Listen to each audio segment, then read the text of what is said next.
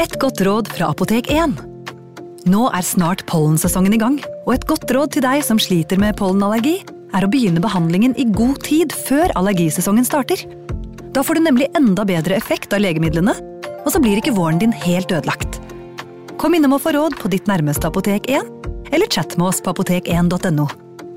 Apotek 1 vår kunnskap, din trygghet.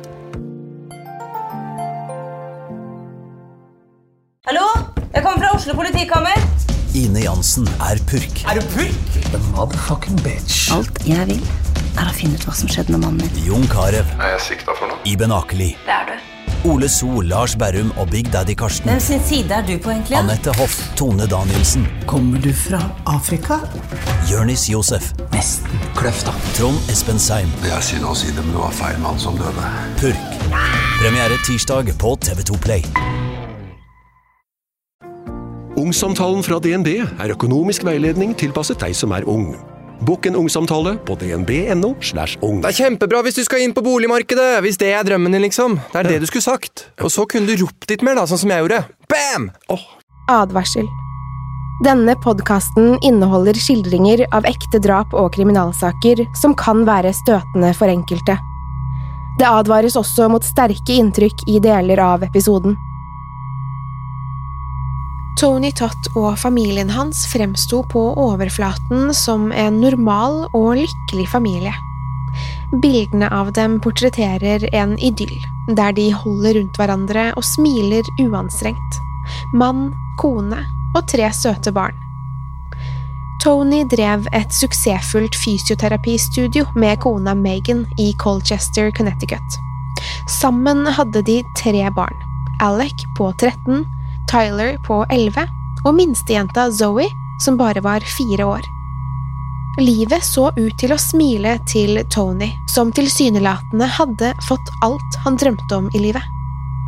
Familien eide til og med en bolig i et lite samfunn tilknyttet Disney World i Florida. I likhet med familien Tott var Celebration Florida en by med en fasade av idyll og lykke. Det var den amerikanske forstaden, gjengitt av Norman Rockwell. Hvitmalte stakittgjerder omringet de klassiske husene, der det amerikanske flagget svaiet i den milde Florida-brisen. I gatene vokste palmer, som en slags påminnelse om den konstruerte virkeligheten. Hele byen var en fantasi, et forsøk på å fange den amerikanske drømmen anno 1950 i en nostalgisk boble. Men menneskene som bodde i Celebration, var ikke fantasimennesker som føyde seg etter 50-tallets normer og verdier. Bak fasaden av det perfekte liv skjulte det seg noe mørkt og dystert. Det samme var tilfellet med Tony Tott. I januar 2020 ble det gjort en grotesk oppdagelse i dette Disney-hjemmet. I huset til familien Tott i Celebration, Florida, fant politiet Megan, Alec, Tyler, Zoe og familiens hund Breezy drept og delvis mumifisert. De fant også Tony Tott, fremdeles i live. Politiet tok med seg Tony i et forsøk på å forstå hva som hadde hendt. Tony viste seg samarbeidsvillig og fortalte politiet det de allerede mistenkte, at det var han som hadde drept familien sin. Hva var det som gjorde at det raknet for Tony Tott? Hva får en lykkelig og veltilpasset mann til å drepe hele familien sin? Velkommen til True Crime Pod.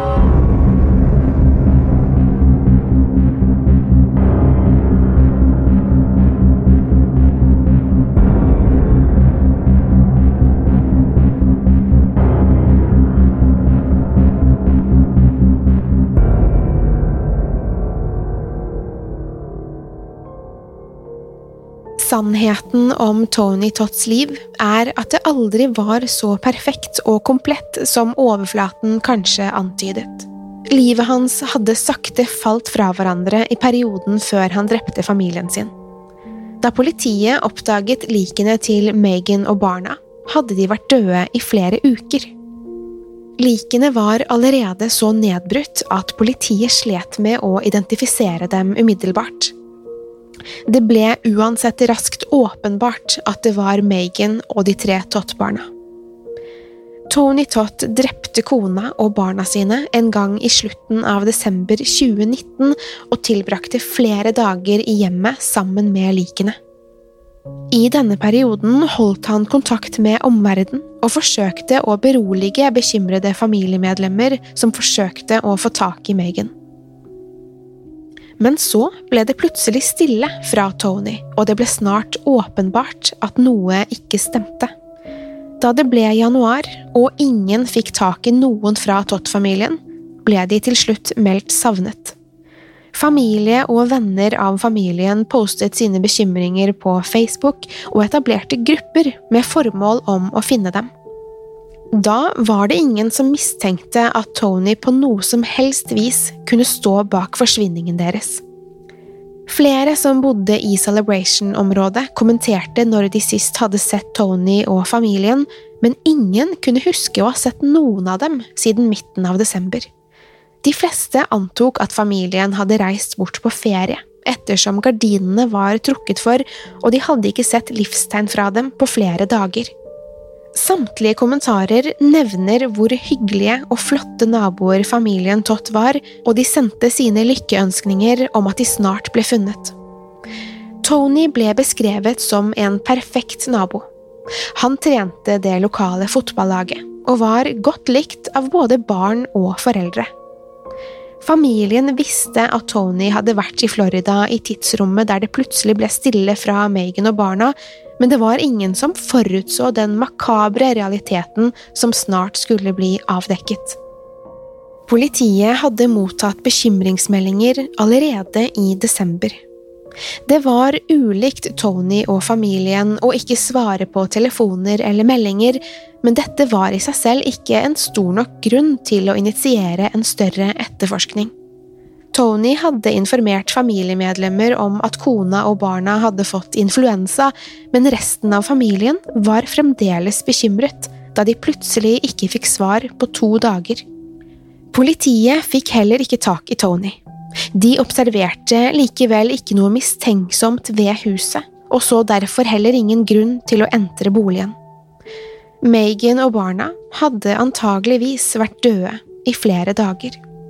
Megan og barna tilbrakte mesteparten av tiden sin i Celebration, mens Tony bodde og arbeidet i Connecticut på ukedagene.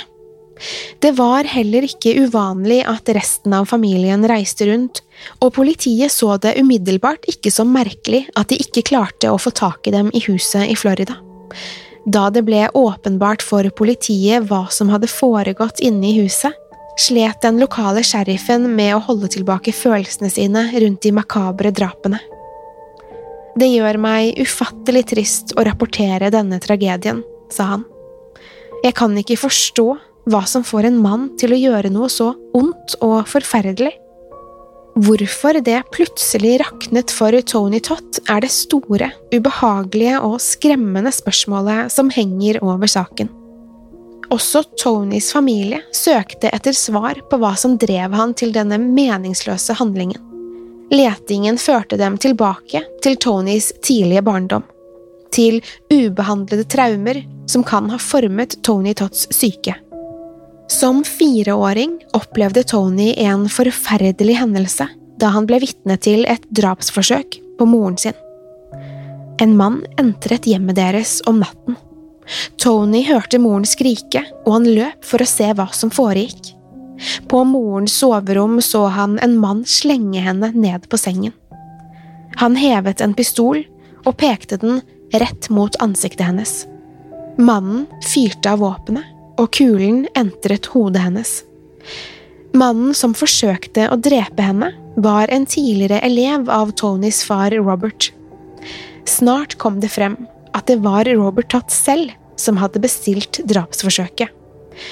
Robert ble dømt for ugjerningen og satt flere år i fengsel. John Chermont var 20 år da han brøt seg inn i Loretta Totts hjem, overfalt henne og skjøt henne i ansiktet. Han trodde antageligvis at han hadde avfyrt et dødelig skudd. Moren til Tony overlevde angrepet, men skadene var omfattende. Hun mistet det ene øyet og måtte leve resten av livet sitt med en bit av kulen i hodet. Hver gang hun så seg i speilet, så hun en konstant påminnelse om det brutale angrepet som nesten tok livet hennes. Da hun etter hvert innså at det var Robert som hadde organisert angrepet, ble dette naturlig nok også en stor belastning for henne. Chermont sonet bare fire år for drapsforsøket. Han gjorde avtale med politiet, der han avslørte at det var Robert som hadde bestilt drapet. Avtalen reduserte straffen hans med flere år. John Shermont fortalte at Robert hadde tilbudt ham 800 dollar for å drepe en kvinne som han ble fortalt var familiens barnevakt. Robert ga ham også pistolen han skulle bruke for å gjennomføre drapet. Han hadde allerede et langt rulleblad og var avhengig av både alkohol og andre rusmidler. Shermont ble ikke umiddelbart sett på som mistenkt i saken, men han begynte å fortelle politiet om det han hadde gjort da han ble arrestert for en urelatert hendelse. Planen var opprinnelig at Chairman skulle overraske Loretta da hun var ferdig på jobb. Robert ville at han skulle true henne med seg, ta henne med til et avsidesliggende sted hvor han så skulle skyte henne. Chairman klarte bare ikke å gjennomføre det. Deretter la de en ny plan. Robert ga Chairmont husnøklene sine og ba ham ta seg inn i hjemmet deres og rett og slett skyte Loretta. Tanken var at det skulle se ut som et mislykket innbrudd. Robert skal ha fortalt ham at han også kunne knivstikke og voldta Loretta hvis han ville. Det var neppe en del av planen at fire år gamle Tony skulle bli vitne til hendelsen, men det ble den lille gutten. Robert ble opprinnelig dømt til en 10–20 års fengselsstraff, men straffen ble halvert. Robert Todd hevdet hele tiden at han ikke hadde noe med drapsforsøket å gjøre, men ble til slutt dømt for å ha planlagt det. Robert innrømmet at han blant annet hadde vært utro mot Loretta, og at det var årsaken til at han ikke var hjemme da kona ble overfalt. Angivelig skal han ha planlagt å forlate kona, til fordel for sin yngre elskerinne.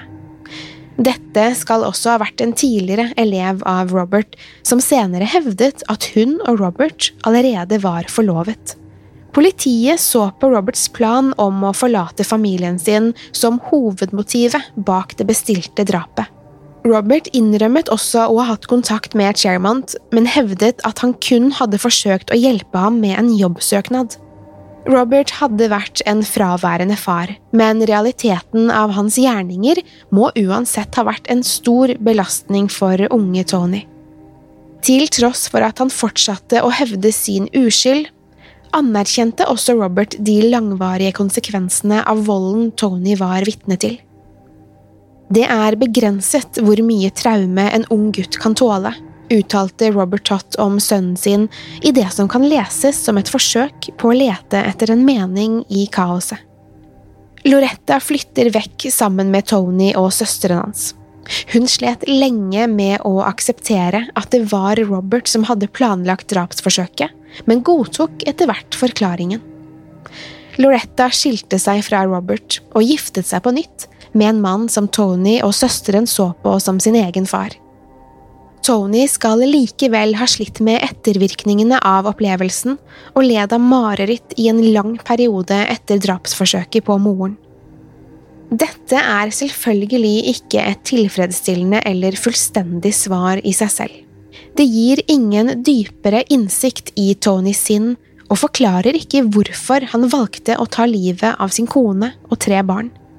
Men kanskje det kan være en begynnelse i å forsøke å forstå Tonys handlinger. En inngang som etter hvert kan lede til mer konkrete svar. Enn så lenge er mysteriet like uforståelig.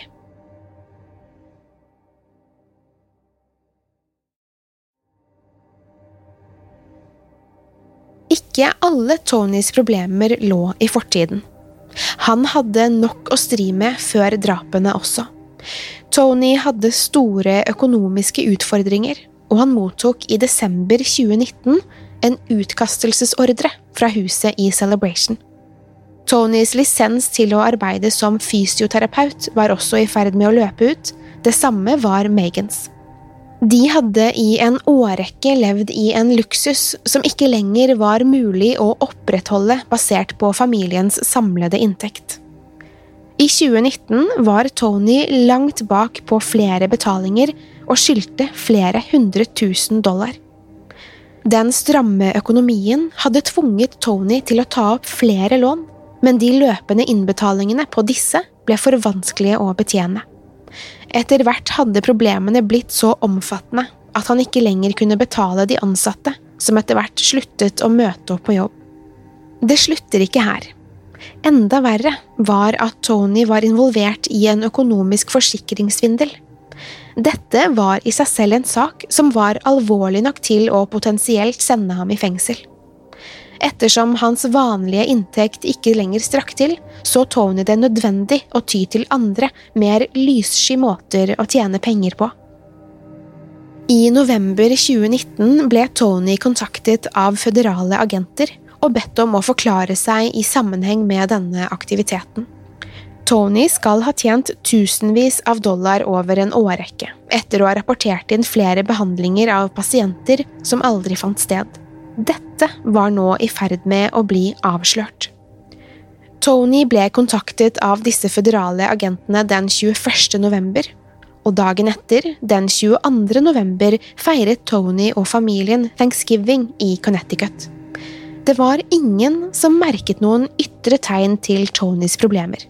Han oppførte seg helt vanlig. Tony innrømmet sin skyld i svindelen og presiserte at kona ikke kjente til saken. Tony fortalte senere at han opprinnelig planla å melde seg og erklære seg skyldig.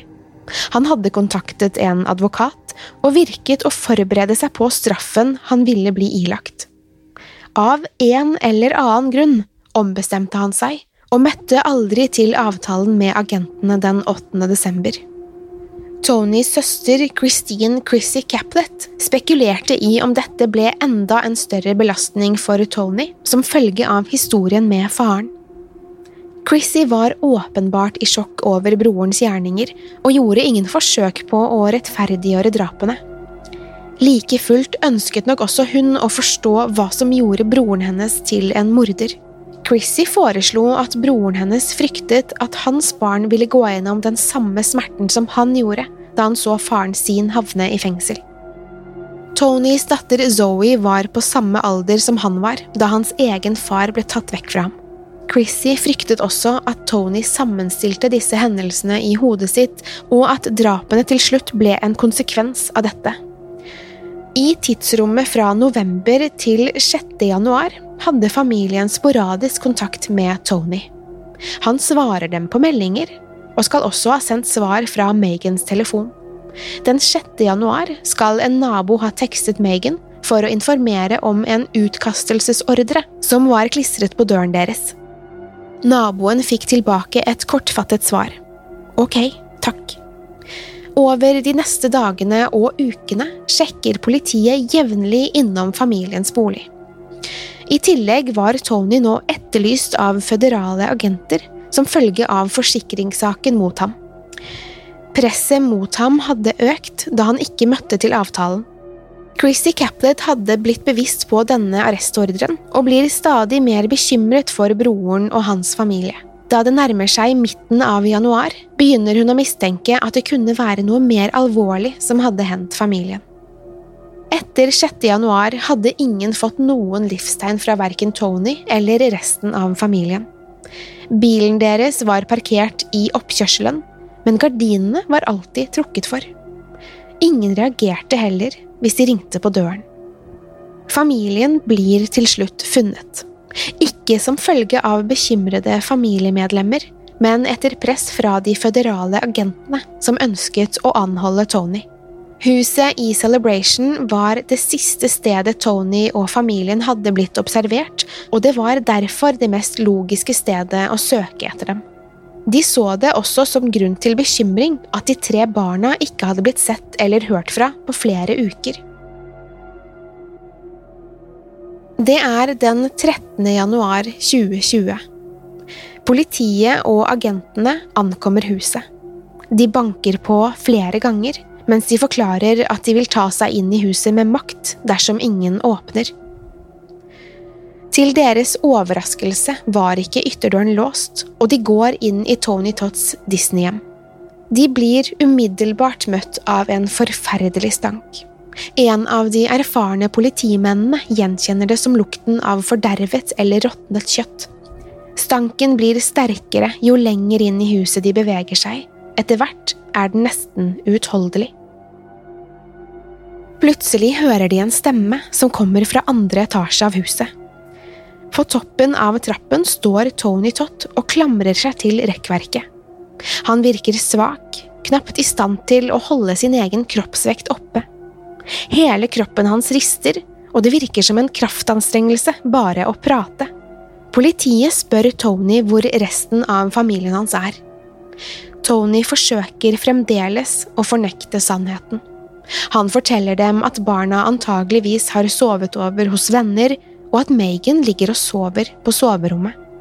Tony forsøker til og med å rope etter henne, men får ikke svar. Politiet fortsetter opp trappen og inn på Megan og Tonys soverom. I sengen finner de en kropp rullet inn i tepper. Ut av teppet stikker to kvinneføtter, med en fordervet blåsvart hudtone. På gulvet finner de ytterligere to kropper, også de rullet inn i tepper. Liket i sengen identifiseres snart som Megan. De to barnekroppene på gulvet er 13 år gamle Alec og 11 år gamle Tyler.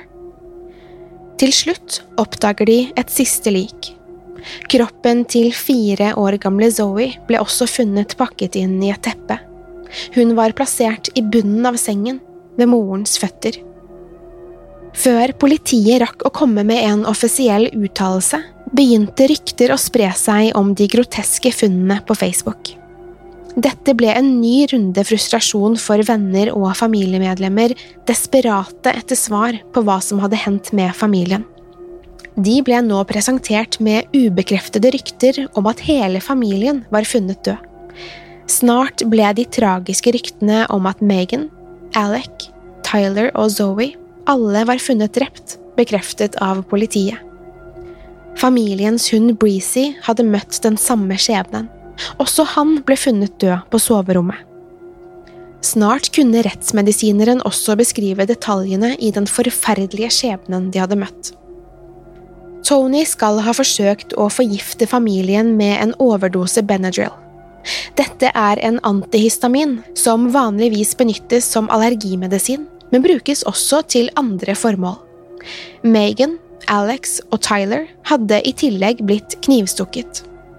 Megan var påført to knivstikk i magen, mens Alex og Tyler begge var stukket én gang.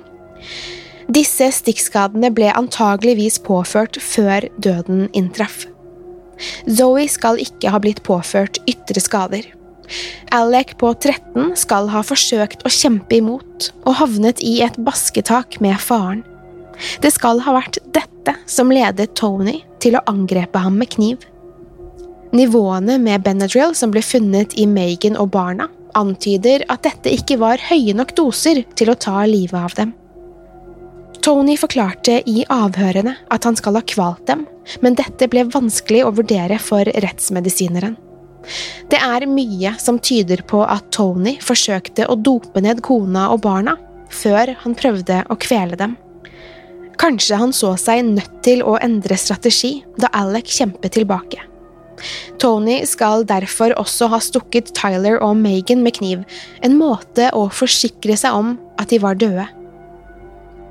Etter å ha tatt livene deres lot Tony familien bli liggende i huset i flere uker. Likenes tilstand da de ble oppdaget, gjorde det vanskelig å gjennomføre tester for rettsmedisineren. De hadde nådd et stadium av forråtnelse der det ikke var mulig å ta prøver av blodet deres. Huden hadde skiftet farge til en brungrønn tone, ansiktene deres var røde. Tony skal, etter å ha drept familien sin, forsøkt å ta sitt eget liv med en overdose Benadryl. Dette kan forklare hans dårlige forfatning da politiet entret hjemmet hans. Politiet fant også en pistol på soverommet, men denne hadde ikke blitt avfyrt i sammenheng med drapene. Til tross for at Tony umiddelbart innrømmet å ha tatt livet av familien, erklærte han seg senere ikke skyldig. Mange eksperter så på Tony Tott som en uvanlig kandidat til å stå bak en så grusom forbrytelse. Det er naturligvis ingen definerte rammer for hvem som er i stand til å ta liv, men Tony passer ikke helt profilen til en person i stand til å drepe familien sin. Det ekstra elementet av dyredrap var også med på å forvirre psykiatrieksperter som analyserte saken. Tony fremsto på ingen måte som en sosiopat, i alle fall ikke på overflaten. Han fremsto som varm og vennlig, og ble beskrevet som sjarmerende. Han hadde tilsynelatende ingen problemer med å kontrollere impulsene sine, og hadde heller ingen historie med voldelige utbrudd. Det er primært hvite menn som utfører denne typen familiedrap. Mennene som utfører disse drapene, tenker sjelden på de langvarige konsekvensene av handlingene sine. Selv om drapene ofte utløses av emosjoner eller et umiddelbart behov, betyr ikke dette at drapene er spontane. Det er ofte flere underliggende faktorer, ofte personlige kriser, som til slutt driver dem til å drepe. Over halvparten av denne typen drap ender også med et selvmord eller selvmordsforsøk. De som overlever, tilstår gjerne drapene, men kan ofte skape en alternativ virkelighet der de forsøker å rettferdiggjøre valgene sine. Han hadde åpenbare problemer, men disse hadde enn så lenge ikke hatt innvirkning på familien. Det er lite som tyder på at det var en konflikt i familien som utløste drapshandlingene. Utover svindelanklagene hadde ikke Tony noe kriminelt rulleblad. Ekspertene pekte på denne hvitsnippkriminaliteten som aktiviteter som i større grad matchet Tonys profil. Det forblir et mysterium om det var barndomstraumene, Tonys økonomiske problemer eller en kombinasjon av disse som drev ham til å drepe familien sin. Kanskje vil man en dag få flere svar fra Tony selv, men enn så lenge forblir dette et tragisk tilfelle av en mann som så livet sitt spinne ut av kontroll. Tony Tott venter i dag på at den endelige dommen skal falle. Han står tiltalt for fire drap, i tillegg til dyremishandling. Statsadvokaten bestemte seg i februar for å søke om at Tony Tott skal få dødsstraff for de grusomme drapene. True Crime-podden er produsert av moderne media. Mitt navn er Pernille Tufte Radeid, og jeg vil takke Håkon Bråten for produksjon, lyd og musikk, og Anders Borgersen for tekst og manus. Til neste gang, pass på deg selv, og takk for at du har hørt på True Crime